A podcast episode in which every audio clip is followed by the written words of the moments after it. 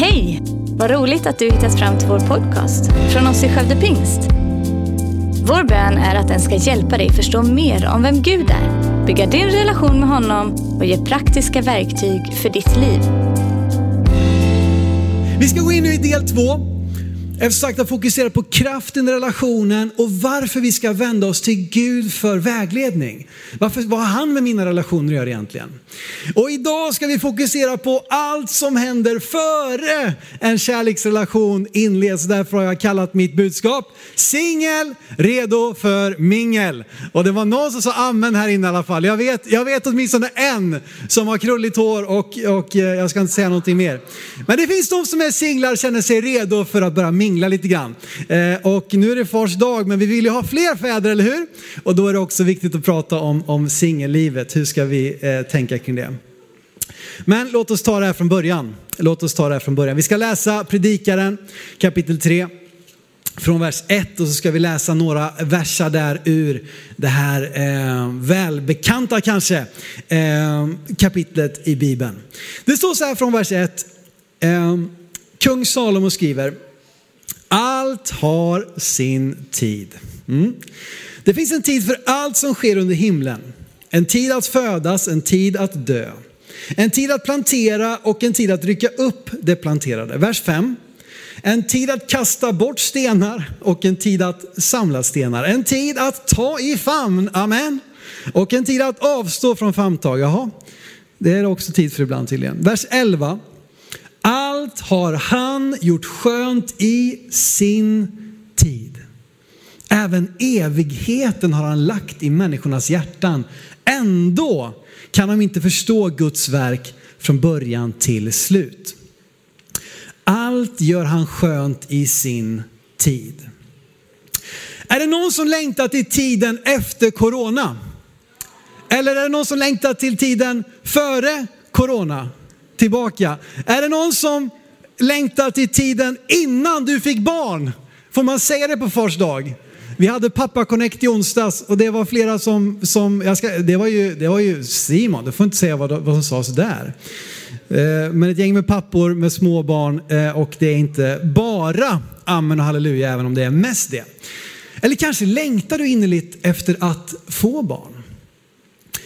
Du längtar till när skolan ska ta slut. Eller så längtar du tillbaka till skolan för du inser hur otroligt liksom, kravlöst det var att bara gå. Någon säger nu ska du gå dit, gå till den salen, maten är lagad, allt är fixat. Kanske längtar du passionerat efter att få ha sex. Eller så ångrar du att du hoppade i säng med din senaste partner. Kanske längtar du till semestern eftersom förra semestern inte blev riktigt så bra som du hade hoppats. Snart får jag äntligen flytta hemifrån, men tänk vad skönt det var att bo hemma. Eller hur? Känner du igen dig något av detta? Jag känner igen mig. Det är någonting med oss människor som får oss att alltid längta efter det som inte nu är. Någonting i oss får oss att känna att det jag nu har är sämre än det jag vill ha, borde ha eller kanske vad min kompis har. De har det mycket, mycket bättre. Men predikaren visar oss en sån sanning, nämligen, nämligen att allt helt enkelt har sin tid. Allt gör han skönt i sin tid. Och att gå genom livet och hela tiden vänta på det som ännu inte är och tro att det kommer bli bättre och gå miste om den välsignelse och den glädje som finns mitt i där vi är just nu. Det kan få oss att gå genom hela livet otillfredsställda. Men du vet vad? Vem är det som gör allting skönt i sin tid? Han. Vem är det, vem är det Salomo talar om? Han talar om Gud. Det är Gud som gör allt skönt i sin tid.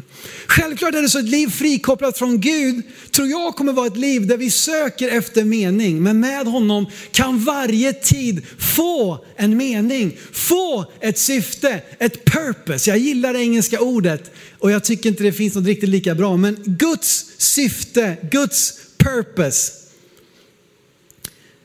Det vill han att du ska få ha med dig genom varje säsong i livet. Du vet, det tar inte paus den dagen du får barn. Ja, nu ska jag pausa syftet med mitt liv i tio år tills jag liksom kan komma ur det här igen. Det väntar inte heller på den dagen du ska gifta dig. Att först då ska du få gå in i det som är Guds syfte med ditt liv. Nej, Guds syfte är inte en händelse, det är en resa.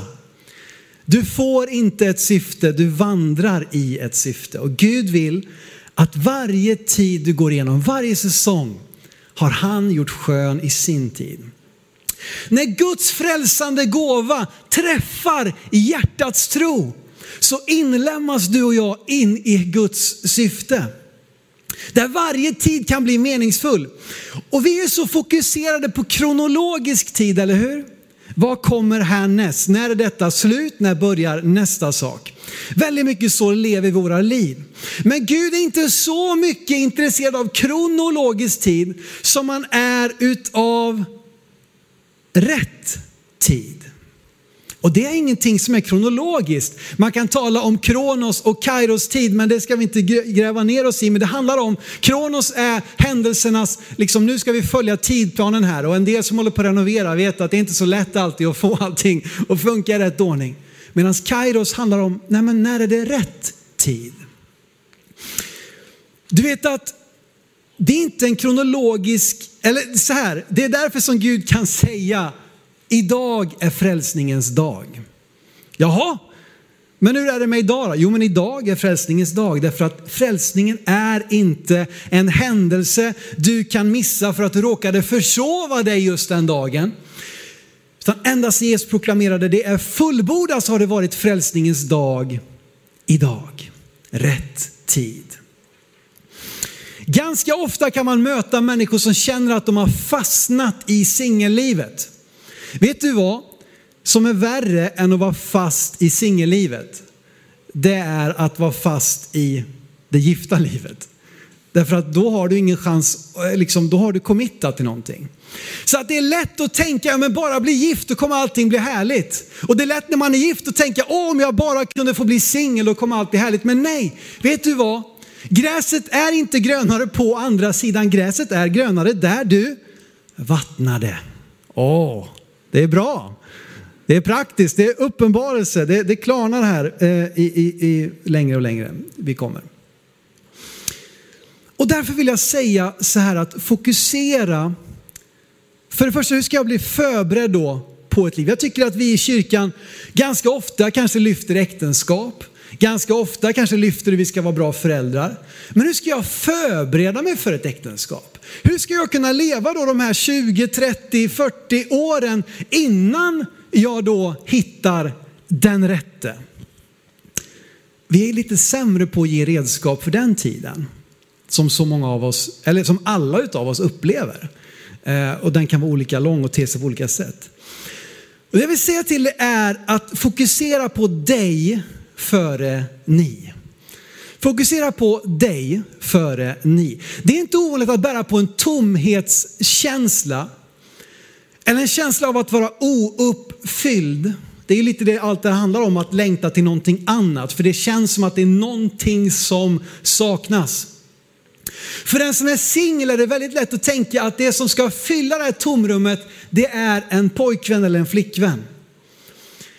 Och det är inte fel att längta efter en partner. Absolut inte. Det är fullt naturligt och det är nedlagt av Gud i dig. Men jag vill uppmuntra dig till att istället för att desperat hitta den rätta, lägga fokus på att få bli den rätta. Att jag får bli redo, att jag får växa, att jag får bli full, bli hel i Gud och förstå vem jag är i honom. Det är fullt naturligt att längta efter någon att dela livet med, men det är livsfarligt att söka i en annan människa det som bara Gud kan ge dig. Det är ingen annan människa som kan göra dig hel utom Gud. Andra människor kan hjälpa oss och ska försöka hjälpa oss.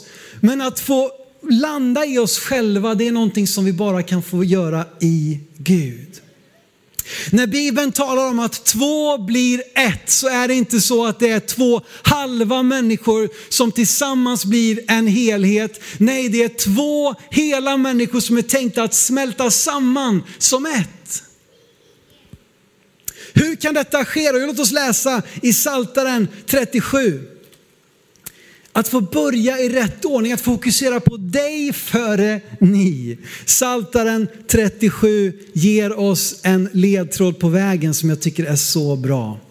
Det står så här, vi ska läsa förresten ifrån NIV, den engelska översättningen, för det säger det så bra. Det står så här, take delight in the Lord. And he will give you the desires of your heart. Commit your way to the Lord, trust in him and he will do this. Nu Bibeln som är översatt av samma team som har översatt NIV säger så här, gläd dig i Herren. Då kommer han att ge dig vad ditt hjärta önskar. Överlåt din väg åt Herren, lita på honom, för han ska göra det. Bygg din identitet i Kristus. Take the light. Jag gillar verkligen ordet på engelska. Eh, det är lite starkare än bara gläd dig. Take delight, alltså, mm, hur ska man säga det? Det är som en dulce de leche i Herren. Eh, det är inget fel att känna begär. Jag tycker också det ordet, ditt hjärta önskar det. Ja visst, jag önskar mig liksom en, eh, eh jag vet inte, en ny bil, jag önskar mig eh, ett par nya jeans. Men vad begär ditt hjärta? Ja, det vill Gud ge dig. Om du först har satt din glädje, din tillfredsställelse i honom. Take the light in the Lord. Börja i Gud. Han vet vad du behöver. Han vet hur du bäst förbereder dig. Överlåt din väg åt Herren. Det står ju det i vers efteråt, versen efteråt. Överlåt din väg åt Herren. Lita på honom. Lämna dig själv åt Guds process. Gud, låt din process ha sin gång i mitt liv. Jag vill varken kalka efter eller springa före, men Gud, låt det ske i rätt tid, i din tid, i sin tid, när du gör varje tid skön i sin tid. Hängde du med?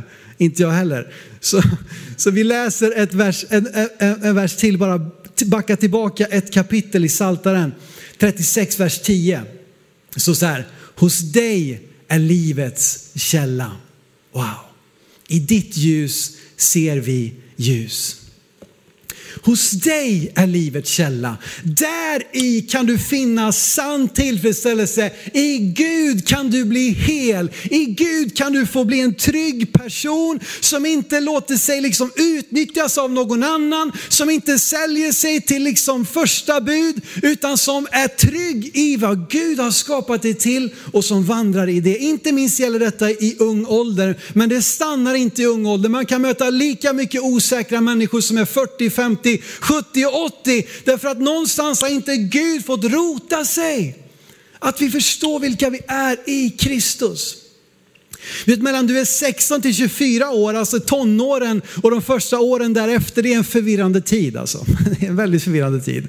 Eh, jag, alltså när jag fyllde 30, jag kände wow, nu är jag, nu är jag mig själv. Nu är jag liksom, jag, jag gillade faktiskt att fylla 30. Vi får se hur det blir med 40, det kanske kommer någon slags ålderskris. Jag vet inte, jag, jag är långt, långt därifrån. Men att fylla 30 tyckte jag var härligt. Någonstans har man liksom landat i sig själv. Men tonåren och åren lite strax efter, det är en ganska förvirrande tid. Alltså. Allting händer på samma gång. Det är, det är hormoner, det är känslor, det är pubertet, det är förälskelse, det är liksom, alltså det är, det är, det är hejkon pejkon va. Och väldigt ofta är det så att där så sätts din personlighet på plats. Under de här åren så formar du väldigt ofta kanske politiska åsikter, du formar en smak. Det är därför liksom alla har samma frisyr som de hade när de var 25, liksom, upp till åtminstone 55 när vissa tomma områden gör att man måste byta frisyr. Men i alla fall, Väldigt mycket sätter sig under de här formerande åren. Eh, och, och, att då liksom kasta sig in i relationer. Eh, hur, hur, gammal var du Simon? Du blev tillsammans med Carro. Ja, det, det, det, ska vi inte prata om nu. Jag var, skulle snart fylla 17. Men i alla fall. Eh, grejen med det här. Att när så mycket händer i livet så har jag sett lite både och. De som blir tillsammans så här tidigt. Va? Antingen så gör formbarheten att man smälter samman och hittar en gemensam väg. Och det är ju det lyckliga scenariot. Men inte allt för sällan så innebär det att vi också växer isär. Därför att det som var så självklart vid 18-19 var inte så självklart vid 27-28. Därför tror jag bara fokusera inte för mycket på någon annan även om det liksom slår volter inombords med alla känslor som vill väldigt mycket. För att ett liv som singel är inte ett halvt liv, jag vill säga det också. Det är inte så att enda slutdestinationen som är värd någonting det är att bli gift. Nej. Var Jesus gift? Nej, det finns vissa da Vinci-koder och annat som vill liksom konspirationsteorier och allt möjligt. Men Jesus var inte gift. Levde han ett halvt liv? Nej, jag, jag, tror inte att någon av oss skulle påstå det. Varför då liksom?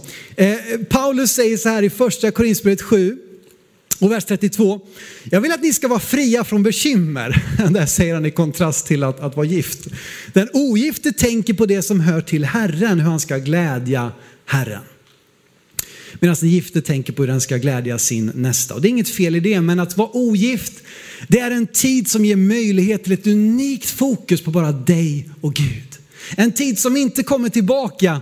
Eh, och där, om du kan använda den tiden till att gräva djupare med Gud, att få liksom gräva där du står och rent av finna dig själv fullt tillfredsställd med tillvaron där det är du och Gud.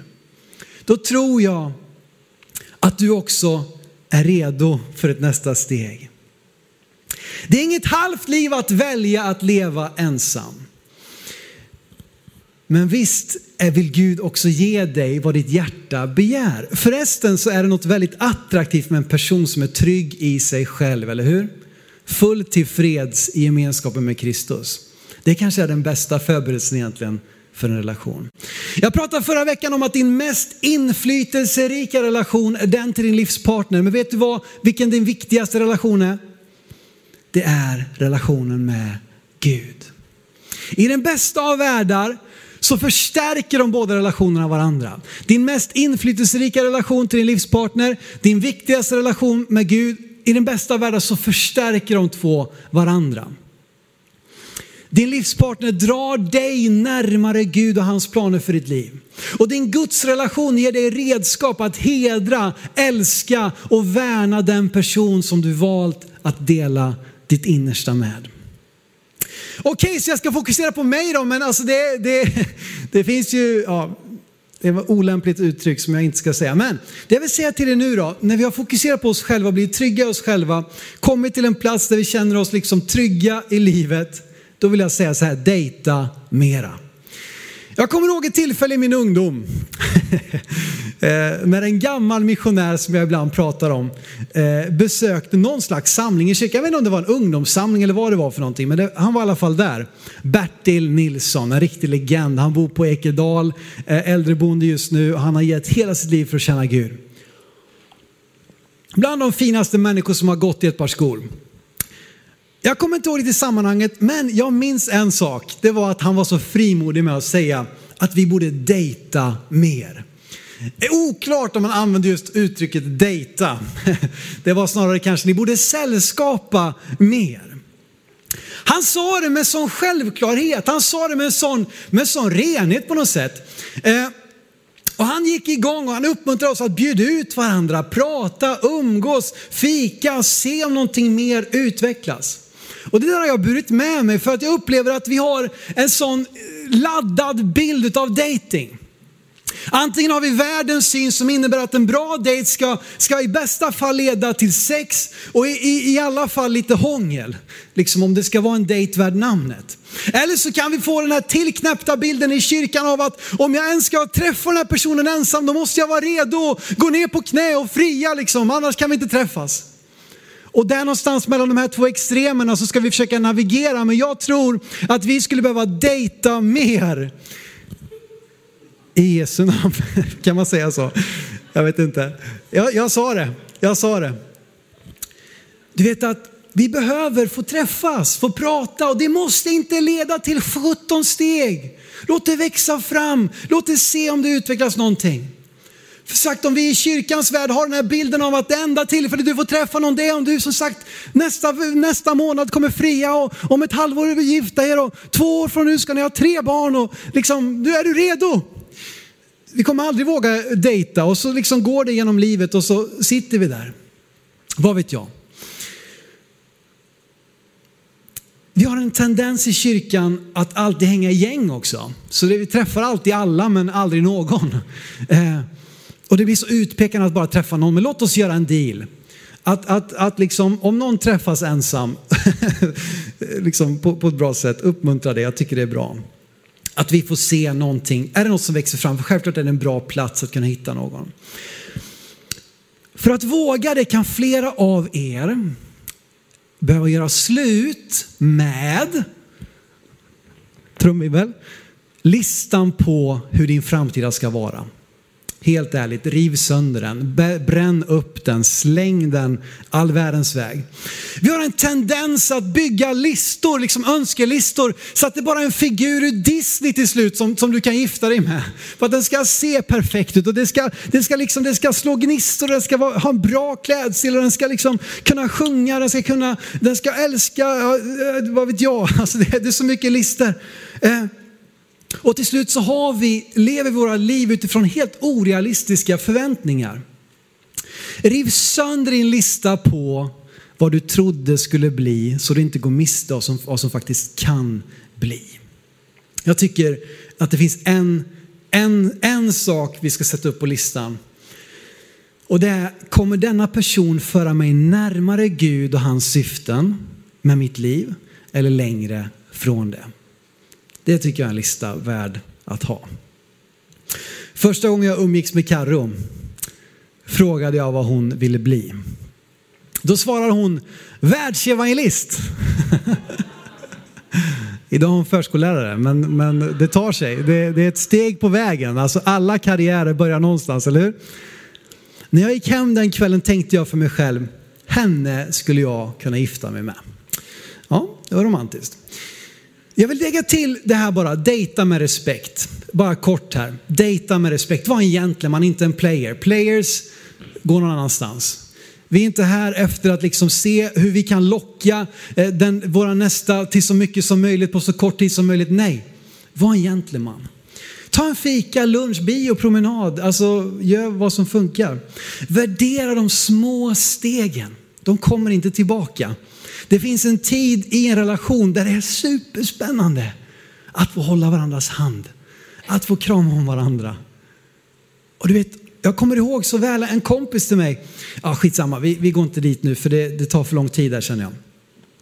Värdera de små stegen, de kommer inte tillbaka. Du vet att dating hela vägen fram till förlovning och giftermål är ju till för att kunna pröva om det här är någonting att satsa på. Det är det som är meningen. Och handen på hjärtat så är det så att de flesta förhållanden leder inte till en livslång relation, vilket är fullt naturligt. Det är det det är till för, att kunna dejta, att ha, liksom, inleda ett förhållande. Och det är inget att skämmas för att en relation inte går hela vägen. Med det i åtanke kan det vara värt att fundera över vilka ramar du har för att dejta någon annans framtida fru eller man. Har du tänkt på det någon gång? I, i, första Korinthierbrevet 10, eh, det här är ju Paulus stora etikbrev. Där han liksom lägger ut väldigt mycket av etik och moral. Och här i, i kapitel 10 så säger han så här, det här är så bra för det är så lätt att vi fastnar i vad får jag, vad får jag inte göra, vad ska jag, vad ska jag inte göra. Och det, liksom, det, blir, det bara låser sig. Men de här verserna det står så här, allt är tillåtet men allt är inte nyttigt. Allt är tillåtet men allt bygger inte upp. Ingen ska söka sitt eget bästa utan den andras. Jag vet inte om det är någon mer än jag som har upptäckt Marabou Black saltlakrits. Är det någon som gillar den? Ja, ja, ja, kom igen. Borta är en tid, svunnen är en tid när det bara fanns schweizernöt och mjölkchoklad att välja på. Det dignar i hyllorna utav olika smaker på Marabou mjölkchoklad och den bästa av alla är Black saltlakrits. Handen på hjärtat, jag måste få erkänna, bekänna någonting här. En pastors bekännelser. Jag kan utan problem äta en hel Black saltlakrits för mig själv under loppet av, jag vet jag, en timma. Jag vet inte vad för rekord. Två timmar. Vi får se. Alltså det är gott alltså. Finns det hemma, då ryker det inom kort alltså. Säg inget till Karo här. Det, det, ja, hur som helst. Och sen har de börjat, alltså igår, det var slut på kvantum igår. Vad är grejen? Flera gånger nu har det varit slut. Köp in mer Black Salt lakrits i hyllorna. Samtidigt kan jag visa den här chokladen för Elton, min lilla son som är drygt två år. Han bryr sig inte. Vad är det för barn du har fått? Ja, ett, ett sånt här guldbarn. Det, här bäst, det perfekta barnet. Varför bryr han sig inte? För han har aldrig smakat på det. Jaha. Jag vet att många tycker vi är lite väl extrema och nästan till skadeglada när vi inte har tillåtit Elton att äta socker. Trots att han är över två år. Men jag tror egentligen att, att det är farmor som lider mest av att han inte får äta tårta än Elton själv om jag ska vara helt ärlig. Varför då? Han har inte fått aptit på det. Visa honom däremot en clementin eller parmesanost. Då ska du få se på cravings. Om du är hemma hos oss, vi har inte möss hemma om du ser bett i ostarna utan det finns andra som, som gärna hugger in liksom. Så här bara tar en ost och bara hugger tag. Du fastna inte i hur mycket du får eller inte får göra utan fundera kring, är det här nyttigt för mig Simon? Är det bra att käka en hel? Nej det kanske inte är. Får dra ner två rader och sen får det vara nog. Det är det vi ska fundera på tror jag. Är det här nyttigt för mig? Är det här för den andres bäste till och med? Därför att faran är när vi bara matar vårat, våran aptit med allt möjligt, då kommer det att sätta igång också cravings. Det kommer dra igång någonting i dig. Och därför är det så viktigt att vaka våran aptit. För det du tillåter dig att kasta dig över kommer snabbt väcka din aptit och rent av bli till ett beroende. Vet, om du tittat på porr i fem år så kan du undra, fråga dig själv, kommer det bli svårt? Kommer det hjälpa mig att sätta gränser när jag väl ska inleda ett förhållande? Ja, det kommer inte hjälpa dig så mycket kan jag säga. Varje gräns som vi korsar i vår relation är mångdubbelt svårare att gå tillbaka över. Så återigen värdera de små stegen, fundera, är det här nyttigt? Är det här, är det här, bygger det här upp? Är det här för den andres bästa? Lusta, det är väl bara ta, ta, ta, ta, en, en ruta till, en rad till, snart är hela chokladkakan över och Karro har inte ens fått smaka för jag tänker bara på mig själv. Medan kärlek är intresserad av vad den kan ge. Ge, ge, ge. Så vaka över din aptit. Våga prata med andra om vad du känner. Hitta människor du har förtroende för. Vad du brottas med. Det är fullt naturligt att längta, att ha begär. Det är nedlagt av Gud. Men det är också väldigt lätt att det blir felriktat, missriktat och skada mer än det hjälper. Det sista vi ska göra nu, och jag vet att den här, den här, de här fyra veckorna jag tenderar att predika lite längre, men jag känner att jag har någonting i mig. Hoppas att du är med mig några minuter till här. Vi ska läsa ifrån första Korintierbrevet kapitel 6 och vers 19. 19 och 20. Det står så här. Vet ni inte att er kropp är ett tempel för en helig ande som bor i er och som ni har fått av Gud. Ni tillhör inte er själva, ni är köpta till ett högt pris. Ärar Gud med er kropp. I tv-programmet Draknästet som har gått i flera länder runt om i världen sedan starten i Japan så ska nykläckta entreprenörer presentera sina idéer för kapitalstarka, erfarna investerare, så kallade drakar. De ska försöka sälja in sin idé på ett sätt så att de här investerarna är villiga att investera i deras nystartade företag. Investerarna säger ofta något i stil med, du, du tror att ditt företag är värt 10 miljoner, men jag ger dig en miljon för 50 procent av ditt företag. Ta det eller lämna det. Take it or leave it. Drakarna försöker alltid få ner priset, undervärdera idéerna därför att de vill äga så mycket som möjligt för så lite insats som möjligt. Djävulen fungerar på precis samma sätt. och det finns gott om människor som går hans ärenden. Han kommer alltid försöka få så mycket av dig som möjligt genom att erbjuda dig mycket mindre än vad du är värd om du tillåter honom.